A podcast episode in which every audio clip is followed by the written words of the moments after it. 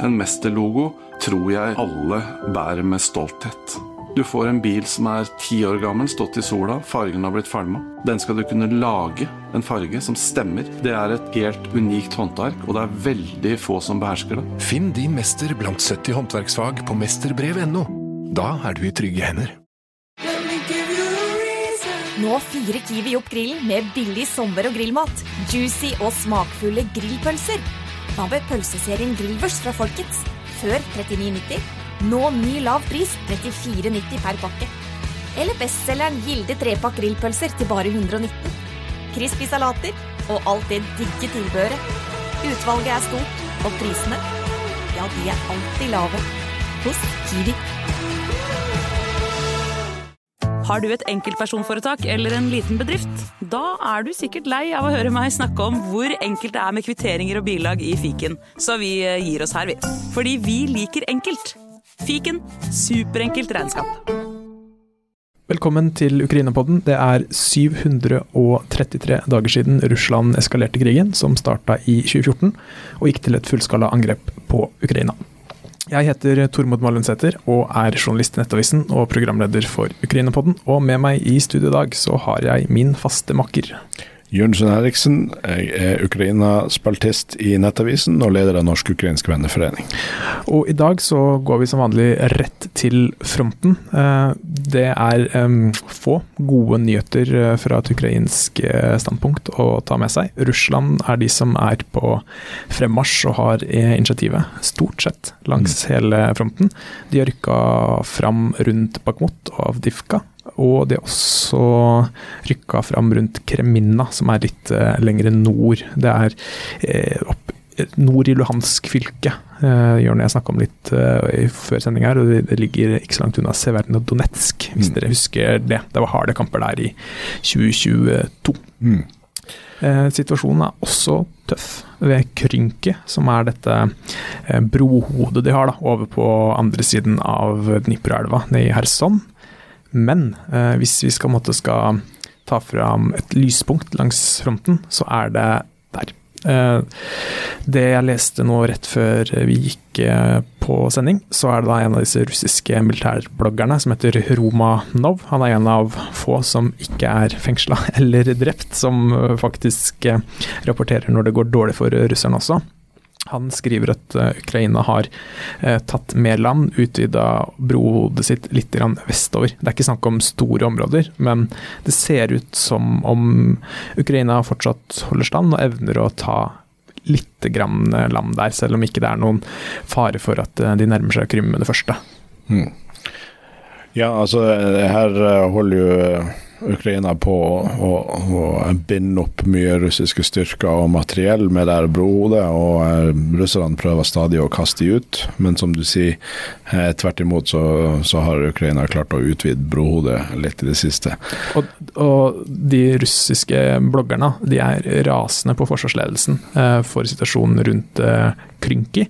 Fordi For en uke eller to siden så ble det rapportert om at Krynki hadde falt i russiske hender, og at de hadde beleira denne byen. Det tror jeg kanskje vi snakka om før? eller så. Vi gjorde det, og der er det jo noen dronebilder av to stykker som løper inn og planter et flagg, og så løper de ut igjen. Så, For å si det sånn, Hadde de deltatt i uh, friidretts-VM, så hadde de, hadde de, fått en ganske god tid på den 400-meteren de tok der, for de, de, løp fort inn og ut. Ja, men så, uh, heldigvis er jo russerne utestengt fra idrett, som de burde være. Ja, uh, så det var, det var, da rett og slett uh, reinspikka propagandastunt, hvor de løp inn i byen, hang opp et flagg, tok en kjapp film og løp ut igjen og erklærte at nå er hele byen under russisk kontroll. Det er den da ikke, selv om situasjonen ikke er god der heller for Ukraina. så er den i hvert fall, eh, Det ser ut som det er de som har initiativet der, i hvert fall, og at russerne sliter kraftig. Det er altså det han Romanov skriver, at situasjonen er kaotisk. Han bruker vel ordet 'fuck up'.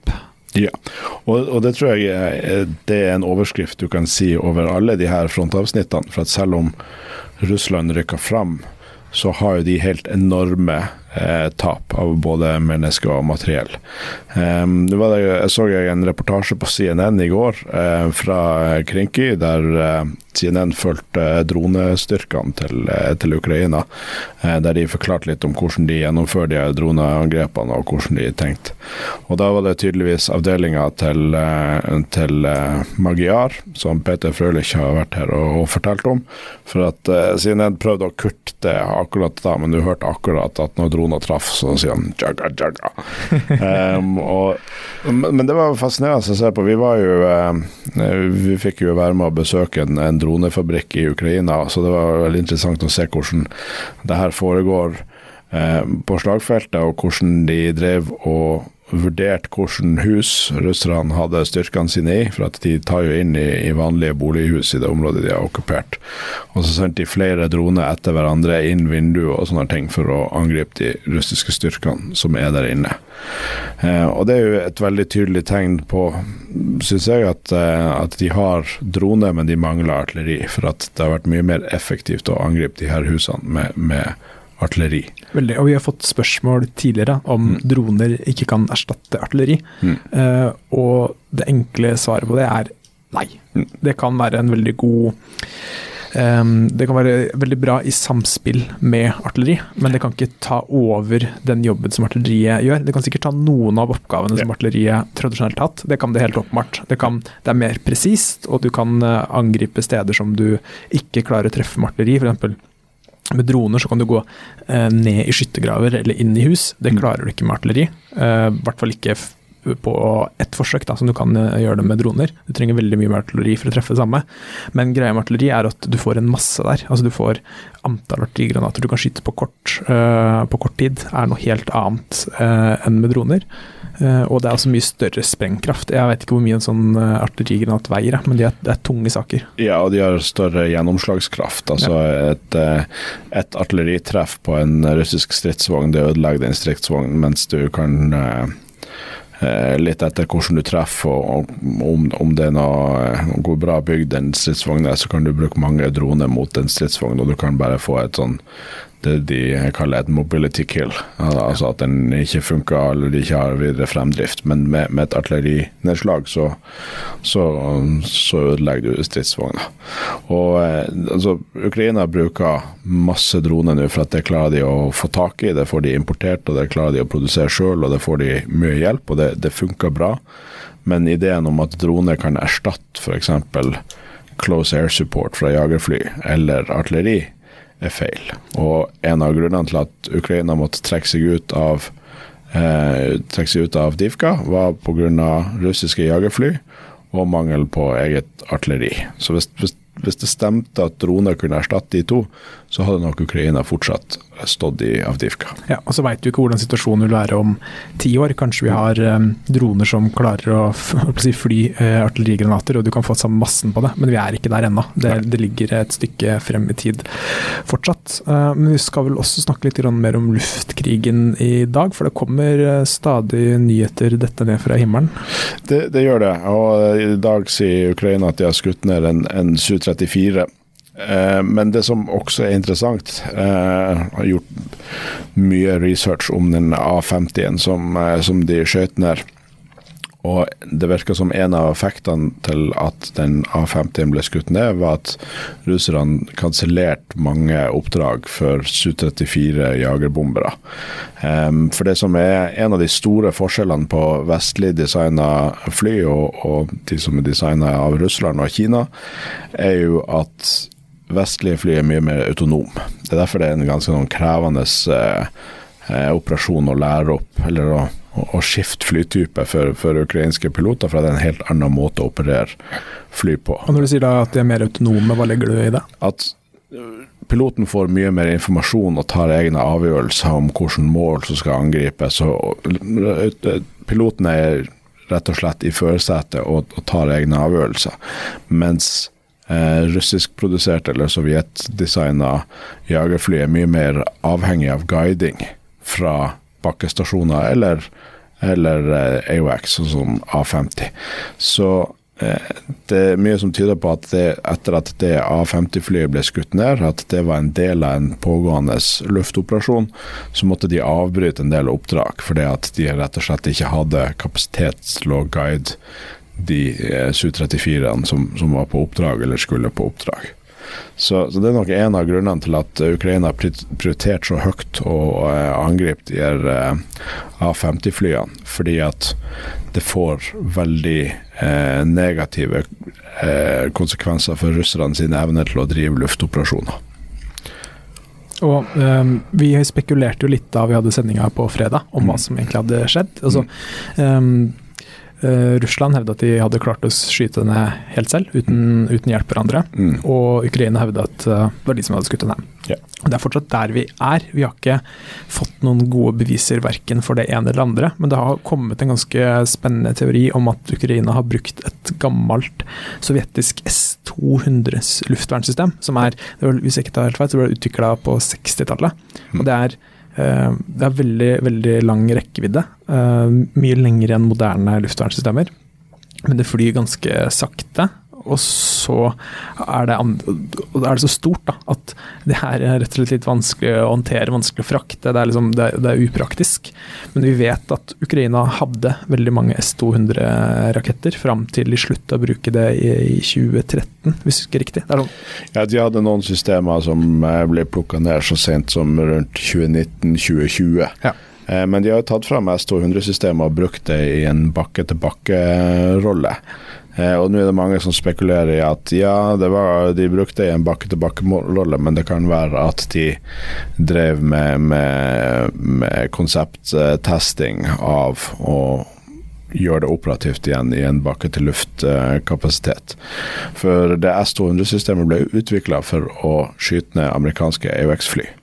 Derfor, derfor de ble designa med denne ekstra lange rekkevidden for å ta eh, saktegående eh, high value targets, som, som AUX er, og, og, også sånn etterfyll, sånn eh, tankfly som etterflyr eh, vestlige jagerfly. Så, så, det kan jo Jeg, jeg syns det er troverdig at de har brukt S200 på en eller annen måte. Eh, for det har den nødvendige rekkevidden. Det forklarer en del ting som Patriot-sporet ikke gjør. Ja, for vi kan rett og slett utelukke Patriot-systemet ut fra det vi uh, vet om egenskapene til Patriot. Da. Mm. Fordi uh, det her, Jeg husker ikke akkurat rekkevidden til Patriot, eller hvor langt unna det flyet ble skutt men det, vi snakker sånn type dobbel rekkevidde. Altså ja. Dobbelt så langt unna som Patriot sånn. kan gå. Sånn pluss-minus uh, litt. Rann. Men uh, det er i hvert fall helt usannsynlig at Patriot er så mye bedre enn en det det er på papiret. Det er, det er jo gjerne sånn da at egenskapen til våpensystemer holdes litt hemmelig. Eh, at eh, man, man, på en måte underselger sine egne våpensystemer litt for, å, for at ikke fienden skal vite akkurat hva de, hva de vil møte. Mm. Men at det skal på en måte ha dobbelt så lang rekkevidde som det har på, på papiret, det er jeg, det er jeg skeptisk til. Ja, så vet vi at um Polen har overført noen S-200-system til Ukraina som kanskje hadde noen oppgraderinger som gjorde det litt mer moderne enn de S-200-missilene eh, Ukraina hadde sjøl.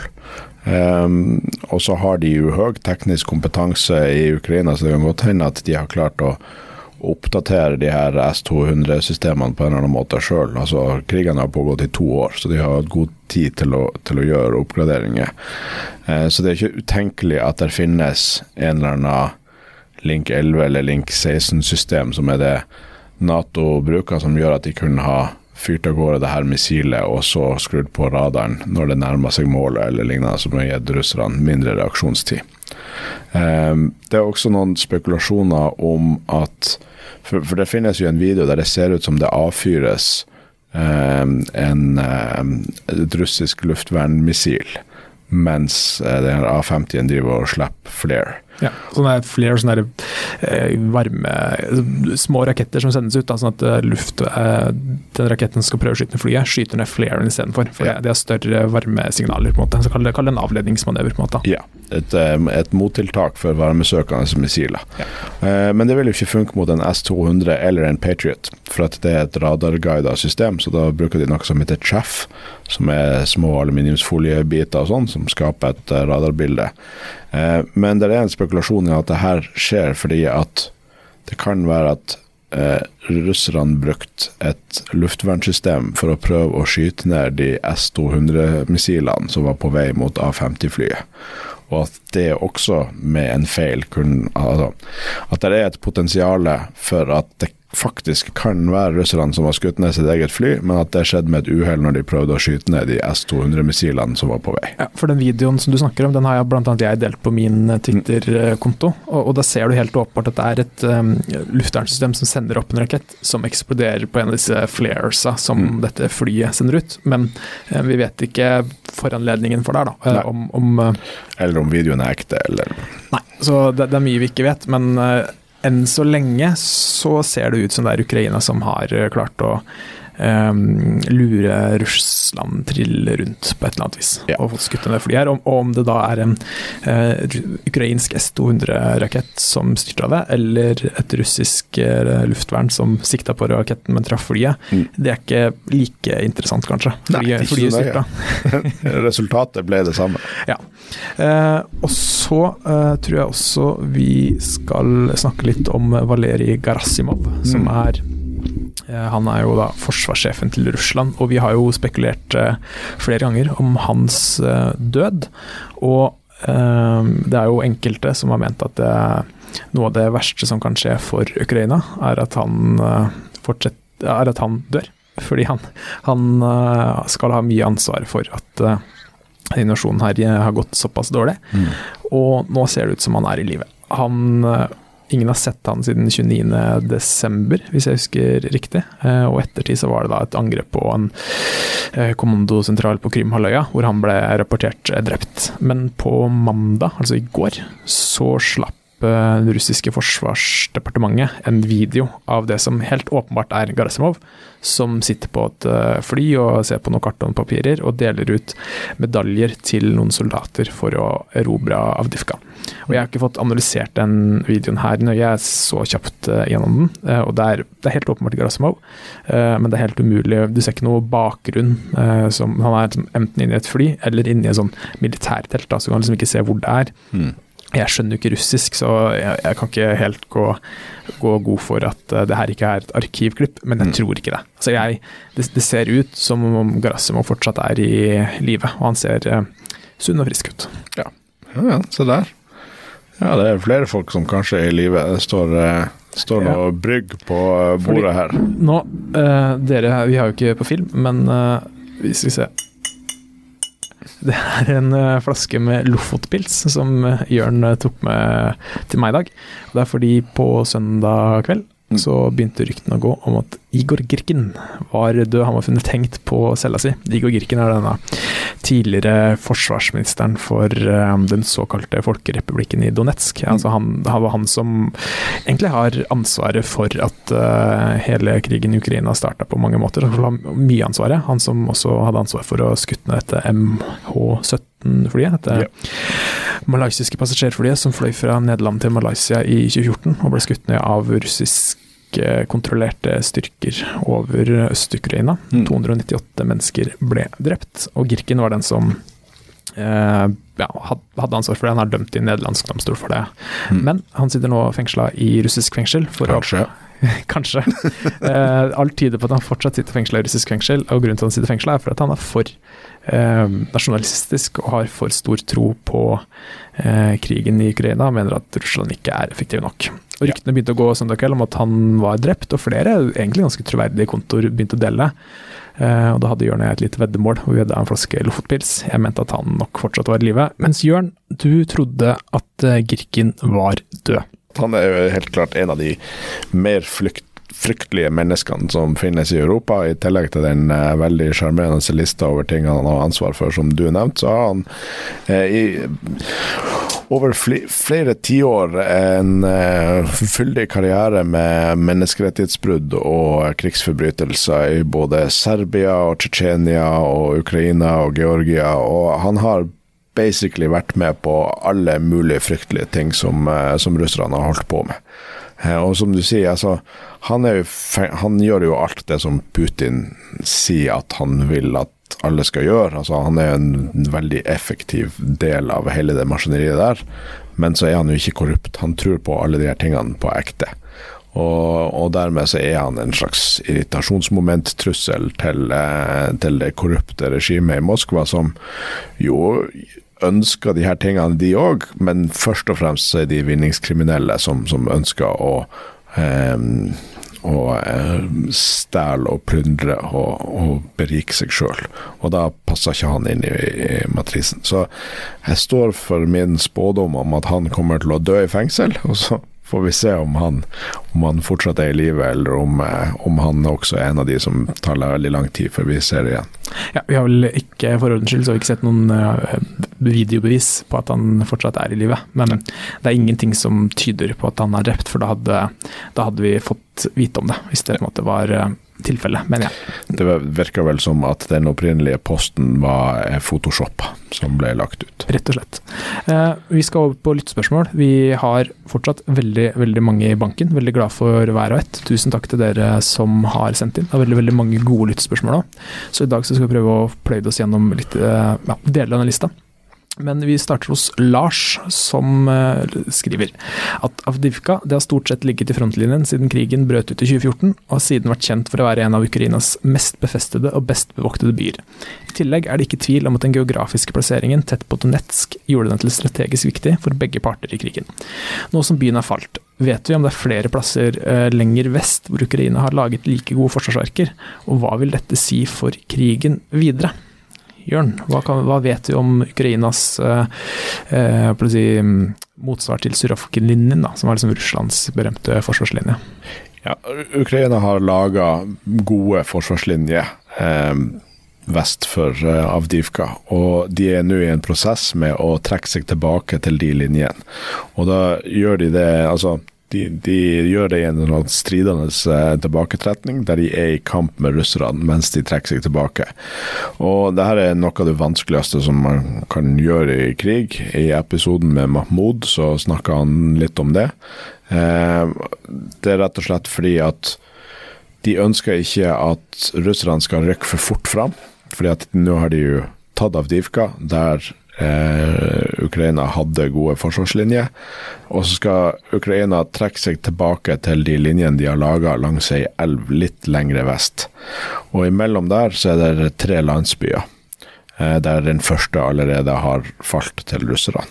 Men av to hensyn så, så slåss ukrainerne mens de trekker seg tilbake, istedenfor å bare dra seg tilbake dit fort. Det ene er for at de vil ikke at russerne skal få for mye fremdrift og for mye momentum, og potensielt kan utnytte en svakhet i den uh, ukrainske linja mens det er ustabilt, og bryte gjennom den også. Så de vil ha kontroll over den tilbaketrekninga. Det andre er jo for å påføre russerne så mange tap som mulig. Ja, for Selv om det er kaotisk å trekke seg tilbake og stride tilbake, så er det minst like kaotisk å rykke fremover. Ja.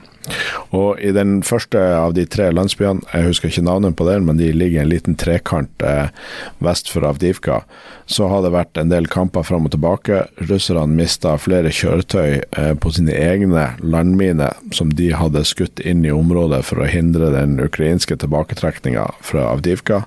Så når de rykka frem med, egen, eh, med egne pansra kjøretøy, så kjørte de på en del av de. De har også vært utsatt for eh, ukrainske skarpskyttere og panservernvåpen i denne fremrykkinga, men altså tatt den første lønnsbyen, men også der med veldig store tap. Ja, og Eh, nå skal jeg helle en liten, eller litt kaldt vann i årene på både på de som hører på, da, og, og, på det du sa nå.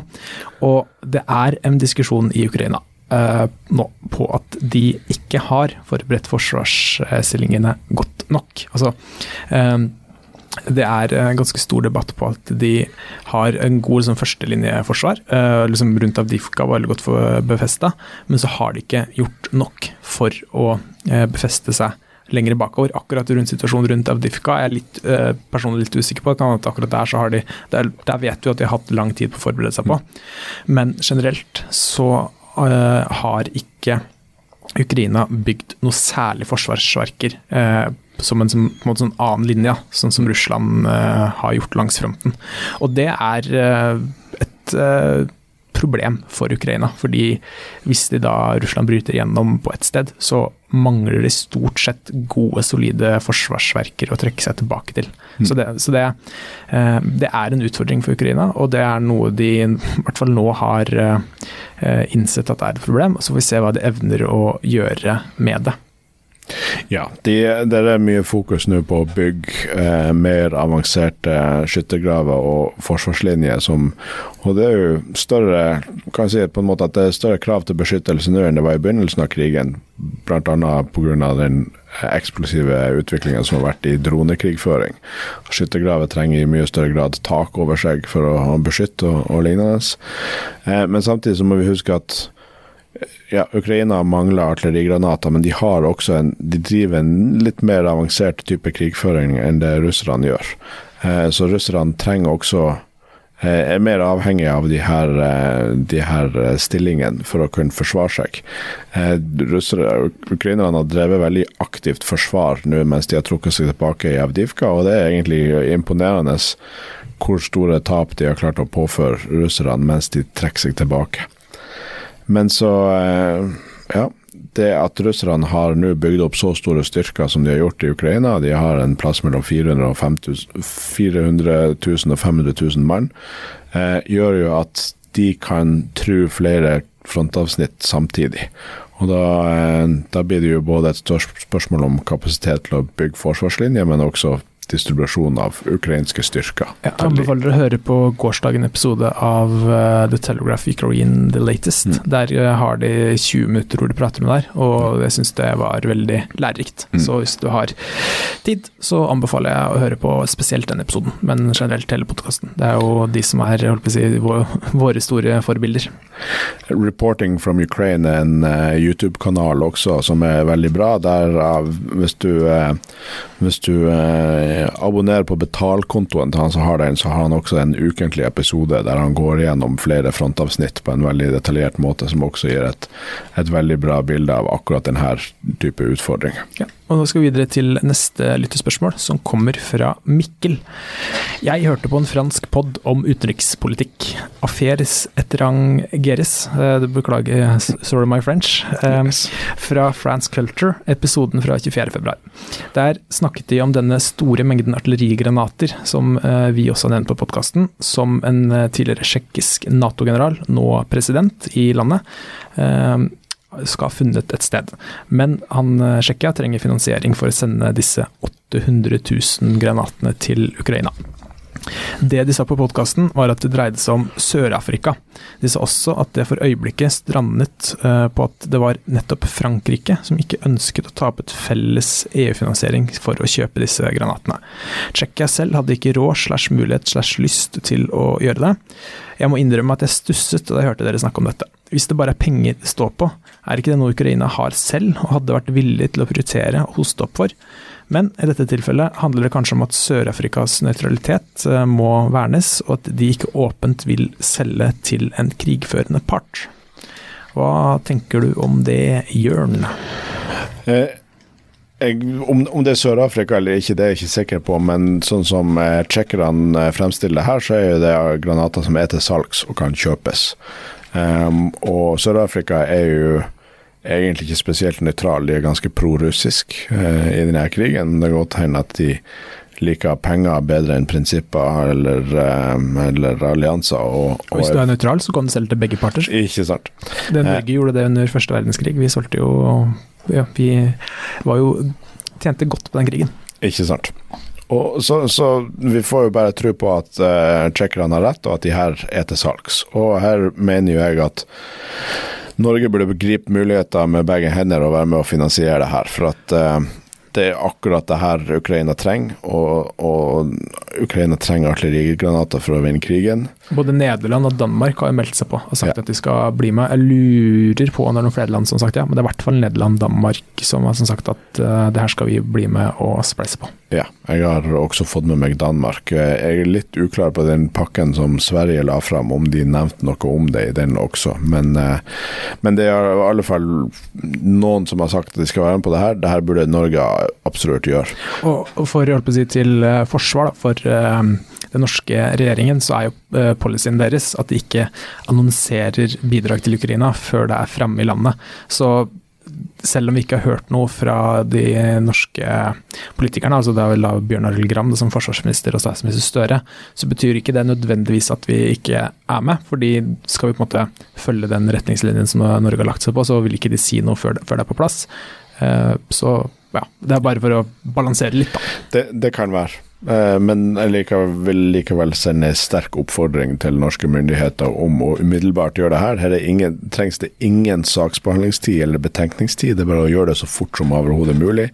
Det er få ting som så raskt kan ha stor, så stor effekt for situasjonen i Ukraina. Og på torsdag så skal jeg delta i høring på Stortinget på vegne av Norsk-ukrainsk venneforening eh, og snakke om Nansen-hjelpa.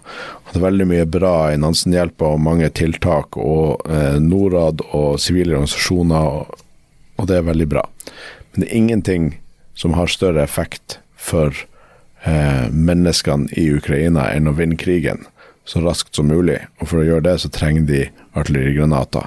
Så det, det er ingen andre ting akkurat nå som Norge burde prioritere over det her. Så her er det ikke noe, er ikke noe behov for en saksbehandling eller nøye vurdering eller å følge situasjonen. Her kan myndighetene ta en eh, avgjørelse i dag og være med å finansiere det her. Og det håper jeg virkelig de har gjort.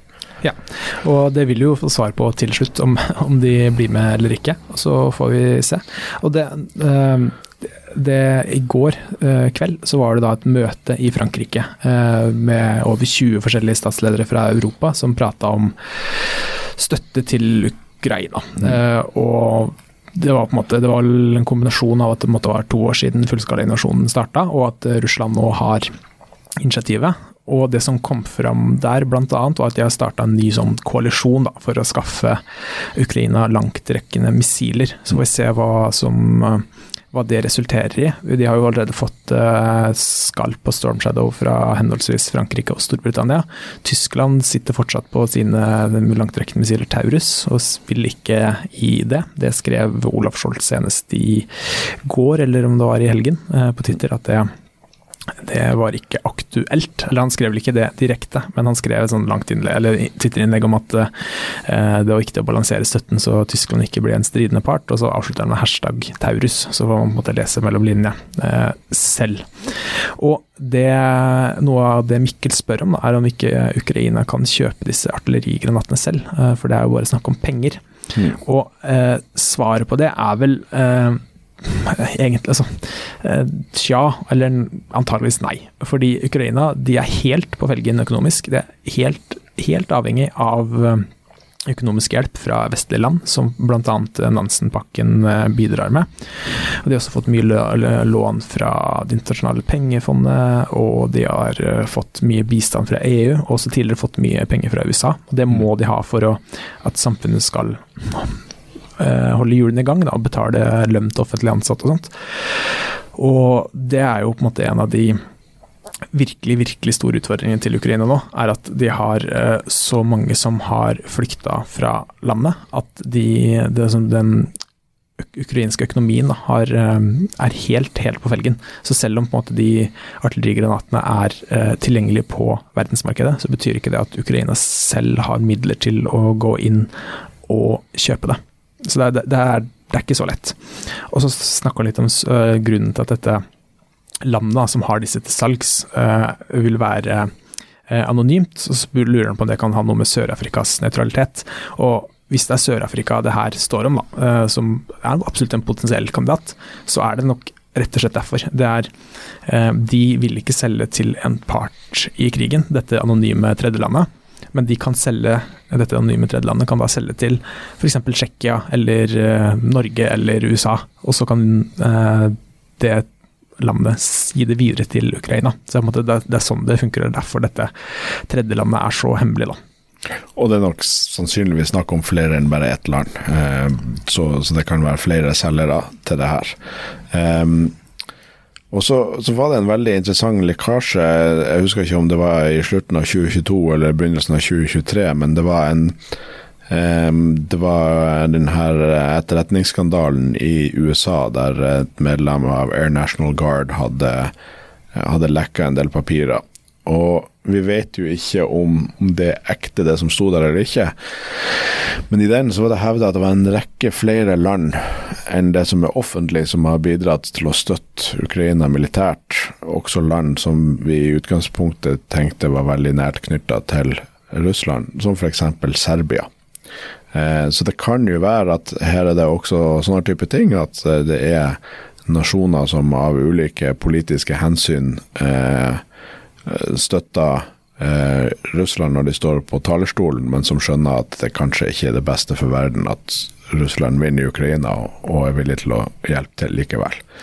Men, men som du sier, altså det er veldig mange ting Ukraina kunne, kunne gjort sjøl hvis de hadde mer midler, bl.a. Eh, hjemlig produksjon av, eh, av granater. Kunne også Ukraina gjort mer av hvis de hadde hatt midler. Så, så, det er også en av de tingene som vi kommer til å si i høringa på, på torsdag, at direkte finansiell støtte til Ukraina er også viktig for at de skal kunne vinne krigen. Ja, og Da skal vi videre til neste spørsmål, som er fra Eller det er to stykker. Det er Øyvind og Jan som har sendt inn eh, hvert sitt spørsmål om samme tema. Så mm. takk til dere to. Og da skal vi til Moldova. Og så skal vi til denne utbryt, utbryterregionen Transnistria, som etter en blodig krig på 90-tallet fikk på en måte bli sin egen egen republikk med støtte fra Russland. Og der så er det et enormt uh, ammunisjonslager som heter, eller, heter Kobasna-depotet. Og hvis jeg uh, husker rett, så er det i hvert fall Europas, hvis ikke verdens største uh, lager av ammunisjon. Og det Øyvind og Jan lurer på, da, er hvorfor tar ikke bare Ukraina og går inn i Transnistria? Henter ut den ammunisjonen de skal, rydder de 1500 russiske soldatene som er i Transnistria av veien, for det kunne Ukraina gjort ganske lett. Og det vil jo være en vinn-vinn eh, for Ukraina, fordi da får de eh, enorme mengder ammunisjon og de får på en måte kvitt denne trusselen i vest. For det, nå står det ja, ca. 1500 russiske soldater i Transnistria, og det gjør at Ukraina må binde opp litt styrker til den grensa der og passe på at ikke de, de kommer eh, stormende inn. Og Moldova får rydda opp i denne utbruddsregionen som bare er til eh, bry og trøbbel for dem. Og Det kan da åpne veien for at Moldova på sikt kan bli et fullverdig Nato- og EU-medlemsland er det måte de oppsummerer det med. Ja. Og Så kan det også sies eh, at eh, de trekker fram det at denne ammunisjonen som ligger der, er jo fra Sovjetunionen. Eh, har blitt lagra under særs skal kalle det tvilsomme forhold, så den er nok ikke i tipp topp stand, men det er snakk om enorme mengder sprengkraft, og noe av det kan jo helt sikkert brukes. Ja, og Ukraina har jo fortsatt en del eh, legacy 152 mm artillerisystemer fra, fra sovjettida som de mangler artillerigranater til, så det er sikkert mye nyttig de kan få derifra. Um, men det står nok litt på Moldova. Ukraina har jo sagt flere ganger at de kan hjelpe til å løse Transnistria-problemet til, eh, til Moldova. Eh, de har foreløpig ikke fått noe reell henvendelse om å gjøre det.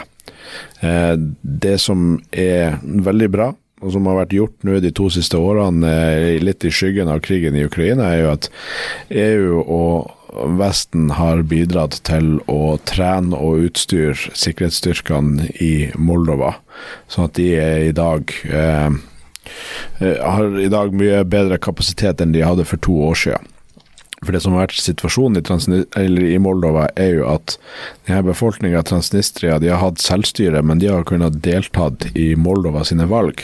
Sånn at russiskvennlige partier har alltid hatt negativt flertall eh, og kunne ha utarma eller stemt nei til alle forsvarsbudsjett og sånn. Så, så, Moldova eh, eh før Maja Sandu ble president, hadde jo omtrent ikke et forsvar igjen. Nå er det på vei opp og, og bygges opp igjen. Så det kan jo være Altså, jeg tenker det her er et veldig interessant spørsmål. og Det er ikke utenkelig at Ukraina og Moldova gjør en sånn felles operasjon for å, for å eh, ta tilbake Transnistria.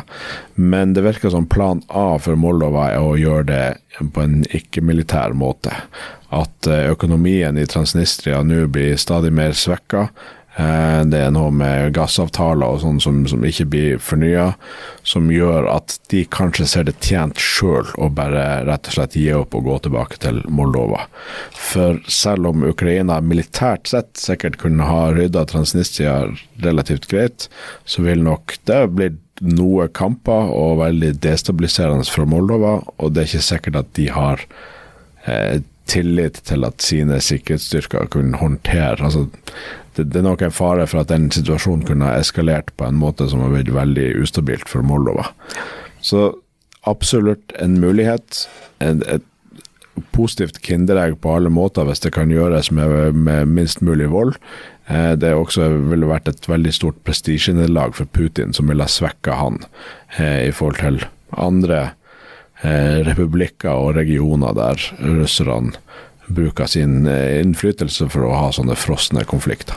Ja, så det blir spennende å følge med på. Det har vært diskutert uh, siden uh, fullskalainvasjonen starta. Så har det ikke skjedd noe mer, så det spørs nok om det vil skje noe med det første. Men det er spennende å følge situasjonen.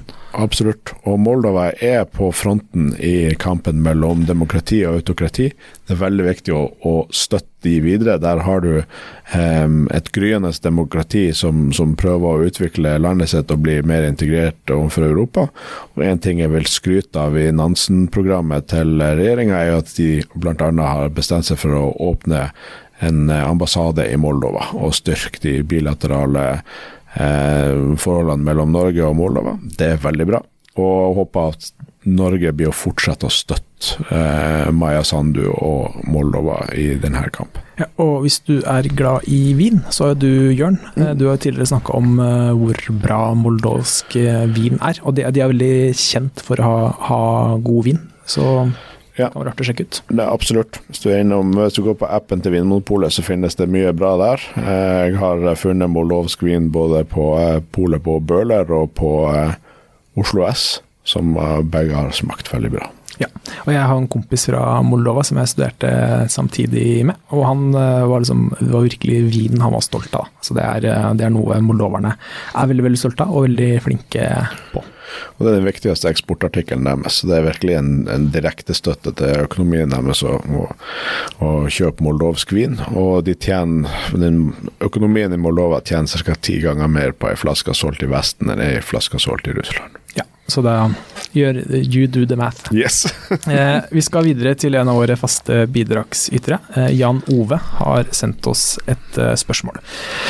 Han har hørt på en tidligere episode her. Det var den vi hadde rett etter at vi kom tilbake fra Ukraina, hvor eh, vi hadde vært i en eh, bygård i, Ukra i Kyiv, hvor eh, de hadde 3D-printere som printa deler til droner.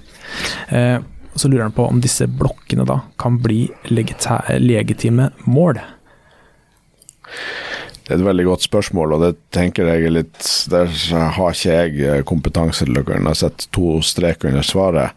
For at de dronene er jo Altså, de kan jo De er sånn dual use-type greier. De er jo i utgangspunktet sivile droner helt til du pakker sprengstoff på dem. Ja. Sånn at eh, mens de produseres der, så kan de jo brukes til å overvåke vandringen til hjorten på vinterstid, eller lignende. Ta bilder av boliger som skal selges. Ikke sant. Inspeksjon av tak, f.eks. Ja. Kan du bruke droner til. De, eh, de, men, men, det er helt i gråsone. Altså, verken Jørn Lei Vi er, er, jurister, så vi skal ikke gi et eh, bastant svar på det. Eh, men det er helt åpenbart et vanskelig spørsmål. Og ja, så svaret på det, Jan Ove, er at det veit vi ikke, men det, men det er et godt spørsmål. Ja. Men eh, en av grunnene til at vi ikke legger ut noen geolokaliserte bilder av hvor vi var hen akkurat Riktig. Riktig. Eh, og så har eh, Jan Ove et eh, spørsmål til. Han skriver at han trenger noen gode råd. Jeg opplever at mange av mine venner og bekjente regelrett digger Vladimir Putin og det han gjør i eh, hermetegn Nazi-Ukraina. De sender meg mye videoer, slik som f.eks. denne fra YouTube, og så legger de med sånn her eh, typisk helt sikkert sett disse videoene selv, som eh, forklarer Ukrainas naziproblem og osv. osv. Eh, han lurer på om vi har opplevd lignende, og hva vi ville ha gjort. Bør han kutte alle bånd og be de dra til helvete? Det, dette er folk som han har kjent i årevis, og det nytter ikke å diskutere med dem. Gode råd mottas med takk. Så hva skal du gjøre da, hvis du har en eh, god venn som eh, ja, rett og slett har bitt på den russiske propagandaen, og mm, oppriktig tror at eh, det har vært et folkemord i Donbass utført av Ukraina, og at eh, jøden Zelenskyj er nazist og kokainmisbruker og fascist, og at eh, Maidan-revolusjonen i 2014 var støtte, ikke bare støtta, men styrt av CIA. Mm. Hva, hva skal du gjøre med disse folka, Jørn? Det er jo altså, det er et eh, Det er vanskelig å forholde seg til, og jeg har også vært borti noe lignende. Jeg tror liksom, Det er ikke sikkert alle, men det, det er jo Det fins jo overraskende eh, mange som måte er i hvert fall tror på deler av det her. Og det er jo vanskelig å forholde seg til. Ja. Nei, altså Putin har jo en sånn kultfølgerskare også i Norge. Og det finnes jo flere årsaker til at folk gjør det. Den mest vanlige er nok at folk har eh, rett og slett kjøpt hele den russiske historiefortellinga og, og tror på alle de tingene som du forteller. Og så er det noen som bare rett og slett altså, og, det syns jo jeg at det er ikke et legitimt politisk eh, standpunkt eh, som man kan støtte at noen har. Vi har politisk frihet i Norge, men, men hvis du har folk som er såpass ekstrem at de syns folkemord er greit for at de er opp syns russerne støtter eh, tradisjonelle familieverdier, eller hva enn som gjør at du syns eh, deres eh, fascistiske politiske prosjekt er noe positivt, så har, står du jo fritt til å mene det, men du er jo ikke Du kan ikke kreve at noen skal gidde å være vennen din hvis du mener sånne ting. Em, jeg, har, jeg har ikke gjort det sjøl, men jeg har hørt på flere podkaster og diskusjoner, og også forskere som snakker om um, folk som har på en måte um, kjøpt hele denne historiefortellinga til russerne. Og det gjelder jo andre typer liksom, konspimekanismer, enten det gjelder at jorda er flat, eller at, eh, eller at eh, fugler egentlig ikke finnes, eller At koronavaksinen er utvikla for å ta livet av oss alle. ja, ikke sant. Så det, det, hvis du går på X for tida, så finner du en høy tetthet av folk som snakker om overdødeligheter og hvordan hele verden er en konspirasjon for å ta koronavaksine. Skal bare skyte kjapt inn her, da. Eh, Hvis det var, lå en sånn genial plan om å ta livet av oss alle og få kontroll på oss ved å ta denne vaksinen, så er det ganske eh, dumt da at de som tok vaksinen, er de som allerede stoler på myndighetene. Så på en måte de som myndighetene fra før av hadde kontroll på, eh, er de som, de som eh, tar vaksinen, mens de som ikke stoler på myndighetene, ikke tar de. Så Ja. jeg vet ikke hvor genial denne, denne eh, såkalte planen Nei, er. nå er vi begge to sauer, så vi vil jo ikke ha altså, det, det ligger jo litt i systemet at vi ikke, vi ikke skjønner alle de her tingene. Ja. Men, men det er noen av de samme mekanismene, og, og jeg er overhodet ikke noe ekspert i hvordan man håndterer de som har falt ned i Konsby-gryta, men, men og, og Jan Ove må jo velge sjøl hvor mye tid og energi han syns det her er verdt, men, men det er jo mulig å få sånne folk til å våkne. Og eh, ifølge de jeg har hørt på som har peiling på det her, så er det det å, å finne en finne en løgn som gjør at de skjønner at de blir utsatt for en løgn. Hvis de klarer å på altså de klarer å forstå den første løgnen i det her, eh, i det her eh, misinformasjonsstrømmen fra Russland. Hvis du kan de til å knekke feberen på ett punkt, så, så raser gjerne resten av korthuset også, og de ser lyset og kommer ut av det. Så det er jo mulig å, å få folk til å våkne, og jeg tenker det er en viktig jobb. Du er jo kanskje en av veldig få situasjoner der de får, eh, får eh, informasjon. Ja, får informasjon fra et annet ståsted. Så, så det må du bare kjenne litt sjøl hvor mye du orker, men, men med mindre det er folk som ja, er fascister sjøl, De kan du kanskje ikke omvende, men, men bare rett og slett har blitt lurt av denne misinformasjonen, så er det umulig å få de til å våkne. Men jeg, jeg, forstår det. Jeg dømmer ingen som, som, finner ut at det her har rett og slett ikke tid og energi til. De får leve i sin boble og så fokusere på andre ting. Så jeg har ikke noe enkelt svar med to streker under, men jeg tenker det er veldig mange der ute som går og tror på ting, men som ikke er fortapt, som er mulig å få til å våkne. Absolutt, og jeg tenker uh, at det her er jo et veldig godt spørsmål for uh, Lørdagsrådet på P3. Jeg tror, de, jeg tror de holder på fortsatt. De er nok uh, her kan du jeg, jeg, tror det er et spørsmål som hadde slått godt an blant, blant de. Og det er, det er, et skikkelig skikkelig vanskelig spørsmål. Fordi Eh, det er så eh, betent, og for eh, på en måte for de som kjøper de russiske løgnene om krigen i Ukraina, de er så langt unna den virkelighetsoppfatningen som vi er. Så det er veldig vanskelig å nå gjennom. Og det er en diskusjon som det blir et veldig, veldig høyt konfliktnivå av, mm. fordi uh, avstanden er så stor og partene er så steile. Så, så det er rett og slett kjempe, kjempevanskelig. Ja, og jeg har på en måte Jeg har vært litt borti det selv, og har på en måte løst det ved at vi ikke eh, Vi snakker ikke om det, på en måte. Fordi det, det nytter ikke. Det blir ikke noe det, det kommer ikke noe godt ut av det. Og så, ja. ja. Nei, eh, den, den, den, er ikke enkel. Men uh, hvis du tar på deg jobben med å prøve å prøve å litt forsiktig og Ifølge de som har peiling, så hjelper det ikke å, å forklare dem hvor teit de er. Nei, da kommer det ingen vei. Nei. Du må liksom uh, appellere til, til, fornuften til folk, og den, den finnes jo der inne et eller annet sted, forhåpentligvis. Men da tror jeg vi skal gå fra et lytterspørsmål til et annet, og det er fra Britt. Hvor vi er veldig glad for eh, spørsmålet, Britt. Hun jobber innenfor landbruket, og stiller da spørsmål fra sin egen sfære. Jeg har i flere år vært med i Facebook-gruppa Venner av norsk landbruk. Det har vært en fin delingskanal for landbruksrelaterte greier. I det siste så har det blitt delt masse om bondedemonstrasjoner i Europa. Det har blitt stilt spørsmål om når norske bønder skal gjøre opprør, og at ikke media dekker det, osv., osv. Men jeg reagerer veldig på navnene på de som deler. Det er ikke typiske norske bondenavn. Blir vi utsatt for en påvirknings operasjon. Og Da skal jeg bare legge til litt kontekst her. Eh, det spørsmålet til Britt det er ganske gammelt, det er fra starten av februar. Men det står seg fortsatt godt, for disse bondeopprørene nedover Europa de holder på i si, som aldri før. Det var bl.a. store demonstrasjoner i Paris eh, den uka her og forrige uke. og Det har vært store protester i Tyskland.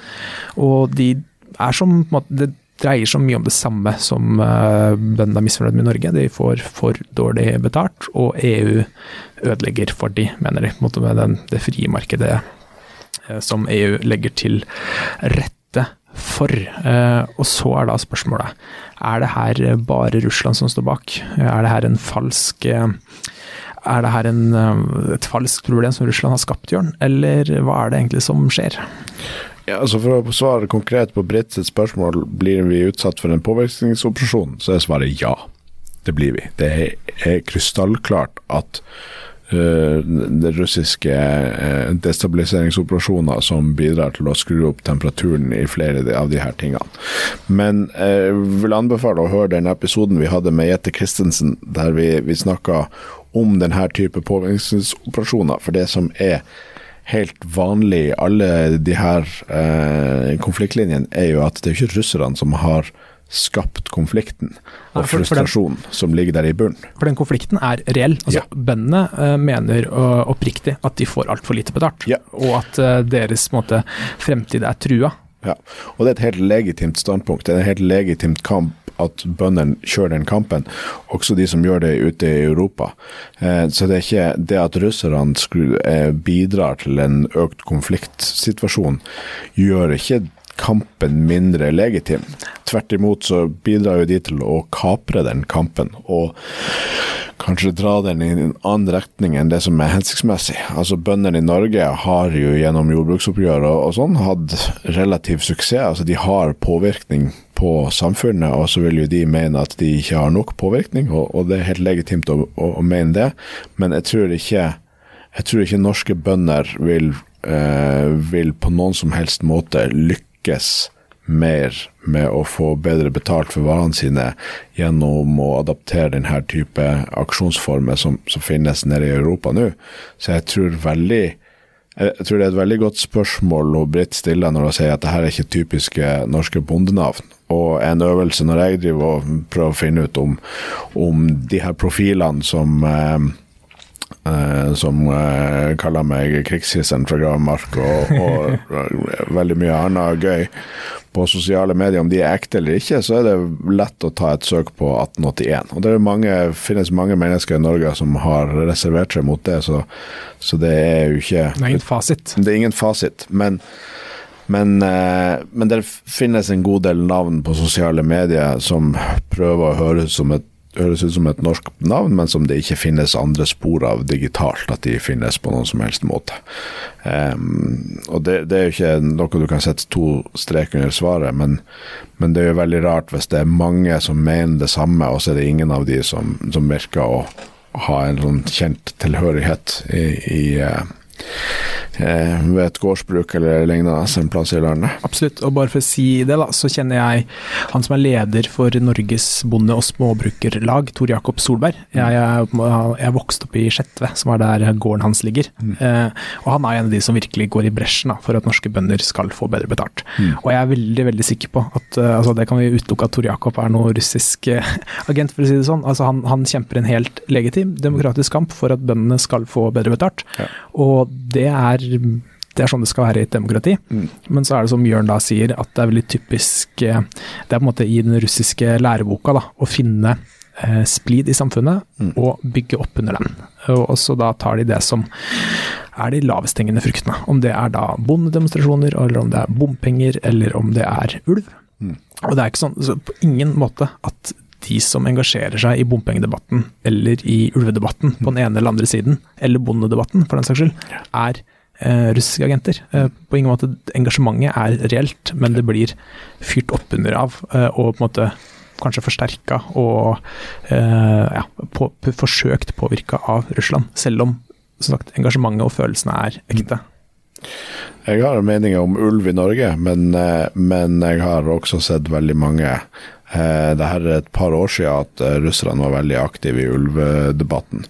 Og og skrudde opp temperaturen der, og de var systemisk pro ulv, eh, imot bøndene da. Eh, og jeg mener jo at det at russerne gjør det, er jo ikke et argument for å skyte ulv. For at altså, det, det verken svekker eller styrker saken til de som reelt sett kjemper for, for vern av ulv. Er, de er rett og slett utsatt for at saken deres blir kuppa for ja. noen som ønsker å oppnå noe annet rett og slett. Og så uh, skal vi gå videre på, på måte, spørsmål, eller del, delspørsmål to, da, fra Britt, som mm. da jobber i landbruket. Mm. Hun skriver at det å ha kontroll på egen matproduksjon og sikre at befolkningen får nok mat, er viktig for, land, uh, for at et land skal kunne fungere. Jeg lurer da på hvordan bøndene i Ukraina har det nå, og om de klarer å holde oppe matforsyningen. Kornproduksjon og eksport har dere snakka litt om, men folk trenger andre varer i tillegg innenlands. Fungerer husdyrproduksjonen med melk og kjøtt? Fungerer møllene til matkorn og kraftfôr til dyrefôr, og får distribuert matvarene både til folk som bor ved fronten og ellers landet. Er større gårdsbruk og foredlingsindustrien noe av bombemålene, eller er det business as usual? Hvordan klarer landbruket å fungere om det er lengre strømbrudd og det samme med videreforedlingsbedriftene, f.eks. slakteri eller eh, ja, møllene som vi snakka om. Altså de som eh, gjør landbruks, landbruksprodukter om til mat. Og der har jo verken du eller jeg noen ekspertise, Jørn, men det vi så eh, mens vi var i Ukraina, var jo helt vanlige bugnende butikker. Akkurat som det var på Coop Mega eller Meny i Norge. Ja. Eller Joker, for den saks skyld. Um, så det var ingen spor til, av at um, de ikke har nok mat. Og det er også den ukrainske Chaf de Affair, altså han, han, som leder den ukrainske ambassaden, eh, sa til oss før, uh, før, jul, da han var på gjest i podkasten, at uh, matsituasjonen i Ukraina er veldig stabil og god, og det er ingen i Ukraina som sulter. Og så skal det også sies at vi snakka med en eh, kar eh, det, var Johan, het han, som var eh, svensk frivillig. Og det kan jeg si, for han, han, er, han var fikseren til Dagens Næringsliv. Det vil si at vi traff Dagens Næringsliv da vi var i Ukraina. Og de skrev om det selv i en veldig god reportasje, som jeg anbefaler å lese. Så intervjua de han lite grann. Fordi han Først så var han instruktør for de ukrainske styrkene da den fullskala invasjonen brøt ut. Og nå er han eh, hjelpearbeider. Han kjører eh, utstyr og mat til fronten. Og det er et problem med matforsyningen til fronten, sier han. Han sier at det er mange soldater som har gått ned mye, opptil 20 kilo. De får ikke nok mat, og de får ikke god nok mat. Så, så det er uten tvil en utfordring uh, i Ukraina. Og så har vi også snakka om andre soldater, sånn som vi, vi traff en fra Azov-regimentet, heter det nå, ikke bataljon lenger, det er regiment. Og han, sånn, han var en plugg. Altså han, han var mye ved fronten, eh, og han eh, bar ikke preg av underernæring på noen som helst måte. Og vi traff også flere andre soldater eh, som så helt sunne og friske ut. Så det er ikke sånn at eh, alle soldatene i Ukraina langs fronten sulter. Men noen steder så er det problemer med å få maten fram, i hvert fall.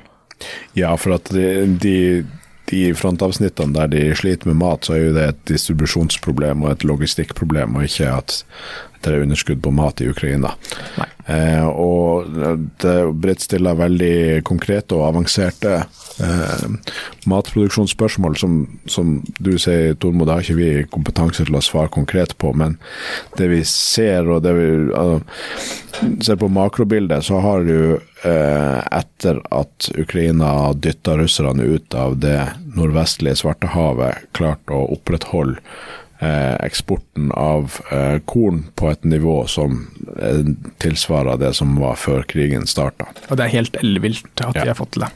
Og så, så, så der er jo tydelig produksjonen høy, og det er jo til tross for at store landområder nå er utilgjengelig for produksjon. Så i Vest-Ukraina, eller der det er et godt stykke fra fronten, så funka det tydeligvis relativt normalt. Men så ser vi jo særlig på sommeren når det er sånn dronevideoer over, eh, over fronten, så er det lett å se de eh, jordbruksområdene der de ikke tør å plante noe, for der er det veldig høy vekst. Eh, mens eh, vi har sett videoer av av, eh, av høsting, av, der de kjører rundt nedslagskrater og, og sånne type ting, der, der bøndene tydeligvis eh, både planter og høster veldig nært fronten. Ja, og det er en reell fare. Vi har også sett mange videoer og bilder av traktorer og skurtreskere som har kjørt på miner. Ja. Så bøndene i Ukraina de høster av maten med livet som innsats. Ja. Og så har vi også sett mange russiske angrep på forskjellige kornsiloer og havna i Odessa. Ja. Eh, og også den, jeg husker ikke hva den andre havna heter, den som ligger litt nærmere Romania. Men det ligger i, på en måte i hjørnet der nede. Ja. Hvor eh, Russland eh, eh, med vilje, viten og vilje da angriper disse ja, kornsiloene for å ramme mateksporten fra Ukraina. Ja, vi har også sett videoer der, der Russland hevder å med K-52-helikopter ødelegge eh, Bradleys, var det det? Jeg husker, jeg husker ikke om det var Bradley stormpanservogn eller noe Leopard stridsvogn, men det var en av de to. Ja, og så viste det seg at det var skurtreskere de angrep. Ja. Det er en veldig god sak som eh, min kollega Anders, som, dere, som ble vikar i poden her, skrev i fjor sommer.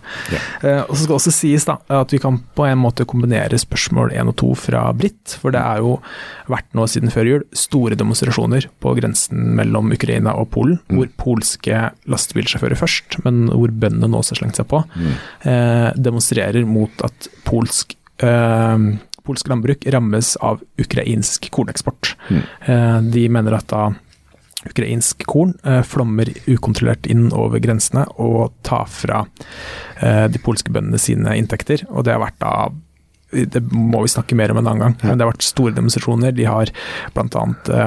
Eh, kapra både lastebiler og tog og tømt ukrainsk korn ned på bakken. Eh, ja.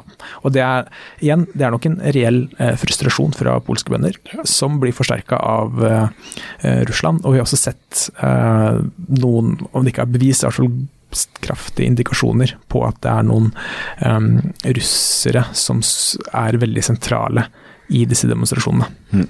Ja. Med de ordene der, så lurer jeg på om vi skal runde av med en siste nyhet. Det er at uh, Rett før vi gikk på lufta, nå var klokka halv fire, Jørn, og klokka to så meldte ukrainske luftforsvaret at de har skutt ned enda en SU-34. Så det var nummer to for dagen. Wow. Se der. Nei, det er veldig Su-34 er jo en eh, den mest avanserte jagerbomberen de har. og Det må jo gå utover flåta. Jeg tror vi nærmer oss noen og 40 nedskutte, og de starta krigen med ja, altså Det er produsert rundt 150 av de før krigen starta. Hvor mange av de som er operative og funker, det, det, er et eh, godt spørsmål. Men, men, de produserer vel en plass mellom seks og åtte i året som ruller ut av fabrikken. Så de har jo veldig mye større tap enn det. Så eh, gratulerer til eh, ukrainske eh, luftforsvaret som, eh, som stadig minsker den russiske fordelen. og det er også teorier der ute om at uh, det her er klargjøring for å få inn F-16, for de vil, uh, de vil helst at russerne skal ha mindre oversikt og kapasitet over å følge med uh, ukrainsk luftrom når F-16 uh, kommer inn. Så det er veldig spennende. Men en annen interessant nyhet som vi også vil nevne, eh, som har ligget på forsida en stund nå, det at Anders har skrevet en, en sak om at antall deserteringer Eh, blant russiske styrker går dramatisk opp. Og Det er også en sånn ting vi har snakka om flere episoder tidligere, at, at uh, vi, vet hvor, vi, vet ikke hva som foregår under overflata blant russerne. For at ja, de har framgang i Avdivka og sånn, men med de enorme tapene de har, så må det jo være ting som ulmer, og som plutselig kan, uh, kan få en effekt. Så det er en lang og god sak som jeg anbefaler å lese. Og så Eh, skal vi holde et øye på eh, hva som ulmer under overflata i Russland også. Absolutt. Og da må vi avslutte for i dag. Takk for at du lytta. Ta gjerne og følg oss på den plattformen du lytter på, så, får, eh, så, du får et varsel når vi slipper nye episoder. Vi tar gjerne imot flere lyttespørsmål. De kan sende til ukrainapodden krøllalfa nettavisen.no. Og vi vil også veldig gjerne ha forslag til gjester. Vi har flere gode navn på, på blokka, men eh, vi får alltid noen gode forslag fra dere òg. Så ja, fortsett å lytte og send oss tilbakemeldinger, og takk for oss. Halv pris på Domino's pizza? Ja, i morgen er det Crazy Tuesday og halv pris på alle medium pizza hos Domino's. Det stemmer. Halv pris på pizza hver tirsdag. Bestill på dominos.no eller i appen. Crazy Tuesday hver tirsdag hos Domino's.